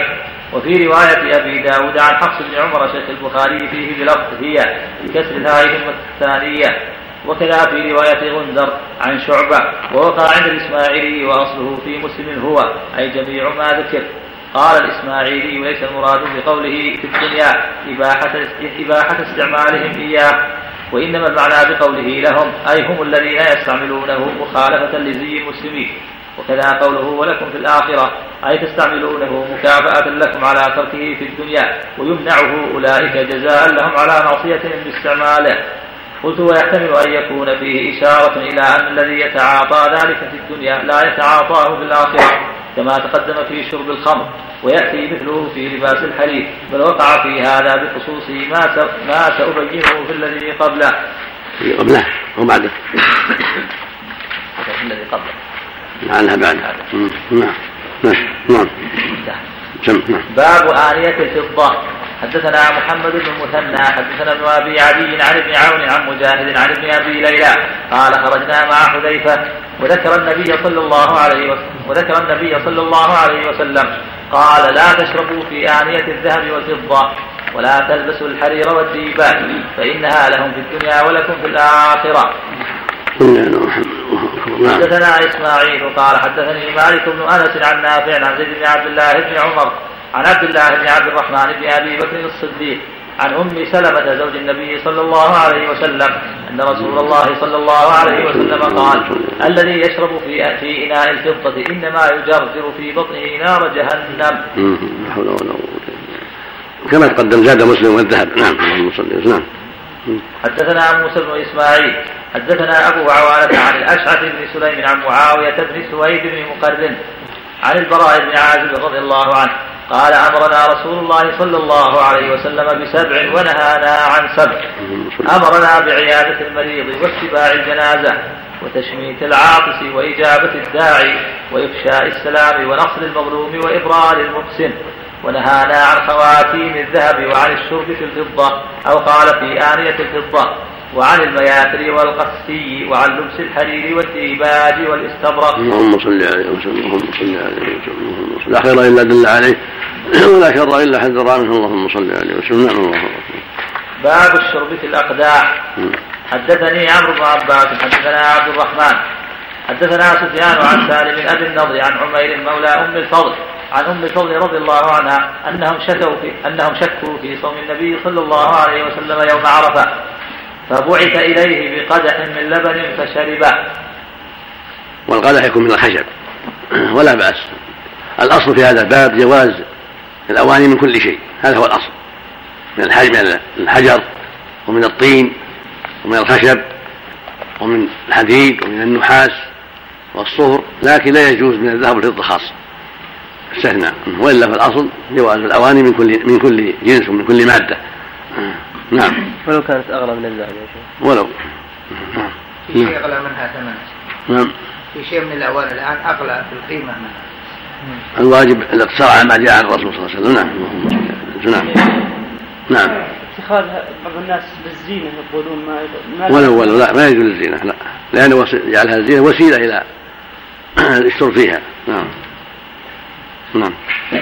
والشريعة جاءت بسد الذرائع ثم قولهن لهم في الدنيا ولكم في الآخرة. يدل على لا ليس لنا فيها تعلق بالكلية. بل هي للكفار بمعنى أنهم يعني يستحلونها ويستعملونها. أما المسلم فلا. يدخل في هذا الملاعق والأكواب أكواب الشاي وأكواب القهوة والملاعق التي يؤخذ بها المرض وأشبه ذلك. كلها نوع من الأواني. نعم. الله. تعرض التحريم واتخاذ الأواني نعم. تعرض الشرع. أي نعم. نعم. الناس أختلفوا في هذا. منهم قال لأنها فيها كسر قلوب الفقراء منهم قال فيها فخر ويلا منهم قال كسر كسكة المسلمين بقرة نعم نعم باب الشرب من قدح النبي صلى الله عليه وسلم تعرض نعم قوله وعن الشرب في في الفضة أو قال في آنية الفضة شك من الراوي. زاد مسلم من طريق أخرى عن البراء فإنه من شرب منها في الدنيا لم يشرب فيها في الآخرة. ومثله في حديث أبي هريرة رفع. من شرب في آنية الفضة والذهب في الدنيا لم يشرب فيهما في الآخرة. وآنية أهل الجنة الذهب والفضة. أخرجه النسائي بسند قوي. وسيأتي شرح حديث البراء مستوفى في كتاب الأدب. ويأتي ما يتعلق باللباس منه. في كتاب اللباس إن شاء الله تعالى. وفي هذه الأحاديث تحريم الأكل والشرب في آنية الذهب والفضة. على كل مكلف رجلا كان أو امرأة. ولا يلتحق بذلك ولا يلتحق ذلك بالحلي للنساء. لأنه ليس من التزين الذي أبيح الذي أبيح لها في شيء. لأن لأن لأنه ليس من التزين الذي أبيح لها في شيء. يعني الشرب الشرب والأكل نعم. نعم. قال القرطبي وغيره في الحديث تحريم استعمال أواني الذهب والفضة في الأكل والشرب. ويلحق بهما ما في معناهما مثل التطيب والتكحل وسائر وجوه الاستعمالات. وبهذا قال الجمهور. وأغربت طائفة شذت فأباح ذلك مطلقا. ومنهم من قصر التحريم على الأكل والشرب ومنهم من قصره على الشرب لأنه لم يقف على الزيادة في الأكل. قال واختلف في علة المنع. وهذا غلط لأن التكحل والتطيب من جنس الشرب والأكل بل من باب أولى لأن حاجة الناس إلى الشرب والأكل أكثر من حاجتهم إلى التكحل والتطيب في أواني في الأواني التكحل وجعل أواني مكاحل من الذهب والفضة أو جعل قوارير للطيب. ملحق بأواني الذهب بأواني الأكل والشرب من باب أولى. نعم. نعم. قال واختلف في علة المنع. فقيل إن ذلك يرجع إلى عينهما ويؤيده قوله هي لهم وإنها لهم. وقيل لكونهم وقيل لكونهما الأثمان وقيم المتلفات. فلو أبيح استعمالهما لجاز اتخاذ الآلات منهما فيفضي إلى قلتهما بأيدي الناس فيلحق بهم. ومثل ومثله الغزالي بالحكام الذين وظيفتهم التصرف لإظهار العدل بين الناس. فلو منع التصرف لأخل ذلك بالعدل. فكذا في اتخاذ الأواني من النقدين حبس لهما عن التصرف الذي ينتفع به الناس. ويرد على هذا جواز الحري للنساء من النقدين. ويمكن الانفصال عنه. وهذه العلة هي الراجحة عند الشافعية وبه صرح أبو علي السنجزي وبه وبه صرح أبو علي السنجزي وأبو محمد الجويني. وقيل علة التحريم السرف والخيلاء أو كسر قلوب الفقراء. ويرد عليه جواز استعمال الأواني من الجواهر النفيسة. وغالبها أنفس وأكثر قيمة من الذهب والفضة. ولم يمنعها إلا من شد. وقد نقل ابن الصباغ في الشام الإجماع على الجواز وتبعه الرافعي ومن بعده لكن في زوائد العمراني عن صاحب الفروع نقل وجهين وقيل العلة في المنع التشبه بالأعاجم وفي ذلك نظر لثبوت الوعيد لفاعله ومجرد التشبه لا يصل إلى ذلك. واختلف في اتخاذ الأواني دون استعمالها كما تقدم والأشهر المنع وهو قول الجمهور ورخصت فيه طائفة وهو مبني على العلة في منع الاستعمال. ويتفرع على ذلك غرامة أرش ما أفسد منها وجواز الاستئجار عليها. اللهم صل اللهم باب الشرب من قدح النبي صلى الله عليه وسلم وآليته. وقال أبو بردة قال لي عبد الله بن سلام ألا أسقيك في قدح شرب النبي صلى الله عليه وسلم فيه؟ حدثنا سعيد بن أبي مريم حدثنا أبو غسان قال حدثني أبو حازم عن سهل بن سعد رضي الله عنه. قال ذكر للنبي صلى الله عليه وسلم امرأة من العرب. فأمر أبا أسيد الساعدي أن يرسل إليها فأرسل إليها فقدمت فنزلت في أجم بني ساعدة. فخرج النبي صلى الله عليه وسلم حتى جاءها فدخل عليها. فإذا امرأة منكسة رأسها. فلما كلمها النبي صلى الله عليه وسلم قالت أعوذ بالله منك. فقال قد أعدتك مني. فقال لها أتد... فقالوا لها أتدرين من هذا؟ قالت لا. قالوا هذا رسول الله صلى الله عليه وسلم. جاء ليخطبك. قالت كنت أشقى من قالت كنت أنا أشقى من ذلك. فأقبل النبي صلى الله عليه وسلم يومئذ حتى جلس في سقيفة بني ساعدة هو وأصحابه. ثم قال اسقنا يا سهل. فأخرجت لهم هذا القدح فأسقيتهم فيه. فأخرج لنا سهل ذلك القدح فشربنا منه. قال ثم استوهبه عمر بن عمر بن عبد العزيز بعد ذلك فوهبه له. رضي الله عنه حدثنا الحسن بن مدرك قال حدثنا يحيى بن حماد أخبرنا أبو عوانة عن عاصم الأحول قال رأيت قدح النبي صلى الله عليه وسلم عند أنس بن مالك وكان قد انصدع فسلسله بفضة. قال وهو قدح جيد عريض من نضار قال قال أنس لقد سقيت رسول الله صلى الله عليه وسلم في هذا القدح أكثر من كذا وكذا. قال وقال ابن سيرين إنه كان فيه حلقة من حديد فأراد أنس أن يجعل مكانها حلقة من ذهب أو فضة. فقال له أبو طلحة لا تغيرن شيئا صنعه رسول الله صلى الله عليه وسلم. فتركه. باب شرب البركة والماء المبارك. حدثنا قتيبة بن سعيد. حدثنا جرير عن الأعمش. قال حدثني سالم بن أبي الجعد. عن جابر بن عبد الله رضي الله عنهما هذا الحديث. قال لم قال قد رأيتني مع النبي صلى الله عليه وسلم وقد حضرت العصر وليس معنا ماء غير فضلة. فجعل فجعل في إناء فأتى النبي صلى الله عليه فأتي النبي صلى الله عليه وسلم به فأدخل يده فيه وفرج أصابعه ثم قال حي على أهل الوضوء. البركة من الله. فلقد رأيت الماء يتفجر من بين أصابعه. فتوضأ الناس وشربوا. جعلت لا آل ما جعلت في بطني منه. فعرفت أنه بركة. قلت لجابر كم كنتم يومئذ؟ قال ألف وأربعمائة. هذه من آيات الله. ومعجزات رسوله عليه الصلاة والسلام. الله إنما أمره إذا أراد شيء يقول كن فيكون سبحانه وتعالى. من آيات الله الدالة على قدرته العظيمة. وأنه الذي يقول كن فيكون ومن معجزات هذا النبي العظيم. دل على صدقه وأنه رسول الله حقا. وهو ماء, مبارك. يكون نبع بين أصابعه هو ماء مبارك. كما أن زمزم ماء مبارك. ولهذا احتج به العلماء على أنه لا بأس به بالوضوء من زمزم والاستنجاء منها أو غسل الثياب وإن كان ماء مبارك. كما أن الماء الذي نبع بين بين اصابع النبي ماء مبارك. طيب ومع هذا يتوضأ به ويستنجى به وتغسل به الثياب ولا بأس. نعم. ولهذا قال البركه من الله تنبيه؟ تنبيه الا يظن ظان انها منه عليه الصلاة والسلام. وأن هذا من الله تطلب منه البركه جل وعلا نعم. نعم. نعم. يقول ماء زمزم قيس عليه. نعم قيس نعم نعم. هذا ماء مبارك وهذا ماء مبارك نعم. وقت حاجة الله نعم. يقال وقت حاجة ما عليه دليل نعم. أو ما عليه دليل. فلم تجدوا ماء فتيمموا هو من الماء. نعم. نعم. نعم. في تقديم بحساب الإكثار نعم. الفضة للرجال. هل في تحديد لها في اللبس. الإكثار منها يعني في الرجال. ما ما على فيه إلا الخاتم أو قبيعة السيف ونحوه. نعم. ما على فيه غير هذا. الاواني ممنوعه ما فيه إلا خاتم للرجال. أو ما يتعلق بقبيعة السيف ونحوه. نعم. لو تختم يعني بأكثر من أصبع بأكثر من خاتم يعني. ما على فيه. ما على فيه. أو ما اتذكر في هذا شيئا. لا بأس به. أقول ما أعلم فيه شيء لكن تركه اولى كما اظن لأن المستعمل اللي النبي استعمل خاتما واحدا. والصحابة استعملوا خاتما واحد الخنصر. الحديث لا لا تتمه مثقالا. ها؟ والحديث ولا تتمه مثقالا. ما أدري عن صحته. نعم. الله الحديث أن الفضة تلعبوا بها كيف شئتم في صحة النظر الظاهر إنه شاذ.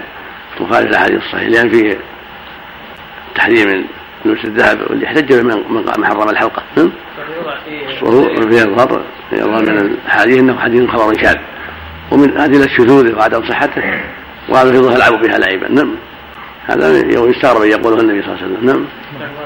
نعم. إذا وضع في الزرع الشوك الزرع حق الشوك المعروف إنه بذهب. نعم. الذي عرفنا منها انه ليس بذهب. نعم. نعم. حسن. نعم. كيف أخرجه البخاري يعني باسم الرجال؟ هو الرجال يقول لا بأس به. لا بأس به يعني جيد هذا معنى لا بأس عندهم ثقة معنى ثقة. لكن أنزل قليلا. نعم. نعم. نعم. في أي إصبع يوضع خاتم السنة نعم. هنا في تقديم العدد الأصغر 1400 نعم. في تقديم العدد الأكبر على الأصغر. نعم. مرشد فيها نعم. نعم. يعني الامر في هذا واسع سواء قدم هذا أو هذا. نعم. ما- اعلى في شيء. نعم. مم. تابعه عمرو بن دينار عن جابر وقال حسين وعمرو بن مرة عن سالم عن جابر خمس عشرة مئة. وتابعه سعيد بن المسيب عن جابر. وهذا يشير إلى انه يوم الحديبية لأن كانوا 1500 أو 1400 وكسور. من قال 1400 حذف الكسر. وان جبر قال 1500 جبر الكسر نعم. نعم. كتاب المرضى. ما اشار لنا هذا يوم الحديبية. شارح. سم.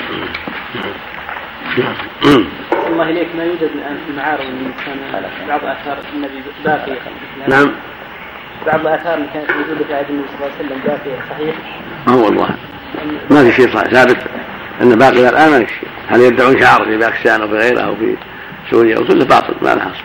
البخاري ذكر ذكر أن البخاري رأى القدح هذا وشرب منه. القدح يمكن لكن الشعار هل يقولون القدح؟ مع انه في الغالب يعني في وقتنا هذا في وقت البخاري ممكن. لكن في وقتنا 1400 غالبا يفنى. والبردة؟ تفنى نعم. بردة صلى الله عليه وسلم. البر- البردة من باب اولى ان تفنى نعم نعم. تقدم بيان الاختلاف على جابر في عدده يوم الحديبية. في باب غزوة الحديبية من المغازي وبينت هناك أن هذه القصة كانت هناك. هذا هذا الظاهر. نعم. نعم. بسم الله الرحمن الرحيم. الحمد لله رب العالمين صلى الله وسلم على نبينا محمد وعلى آله وصحبه أجمعين. قال الإمام الحافظ قال الإمام الحافظ ابن كثير رحمه الله تعالى الحقيقة أن قصة نبع الماء بين أصابعه من آيات الله وجود نبع الماء من الحجر لبني إسرائيل. دون هذا نعم. نبع الماء من الحجر من الجبال مش معروف نعم. لكن من بين أصابعه هذا شيء. الله من الأصابع نعم يعني الماء ينبع من من الأصابع. بين نعم. الله. الله أكبر. نعم من الله نعم كان خروجه من الجسم. أو من الأرض من تحت الاصابع ظاهر بين الاصابع من الجسم خلق هذا المحل نعم. كان في فضة ماء. والاصبع في الماء. أصابع في الماء عليه الصلاة والسلام. خلق في هذا الماء. بورك في هذا الماء حتى يفور من بين أصابع النبي صلى الله عليه وسلم. فالظاهر من هذا الماء الموجود هم من داخل الجسم. من هذا الماء الموجود يعني. بارك الله في هذا الماء الموجود. وهو النبي هكذا في الماء في القدح. وهو صغير قدر يده. فجعل يفور الماء من بين اصابعه من هذا الماء الموجود في القدح. نعم. هم نعم. الله عنك يخرج من نفس الجسم.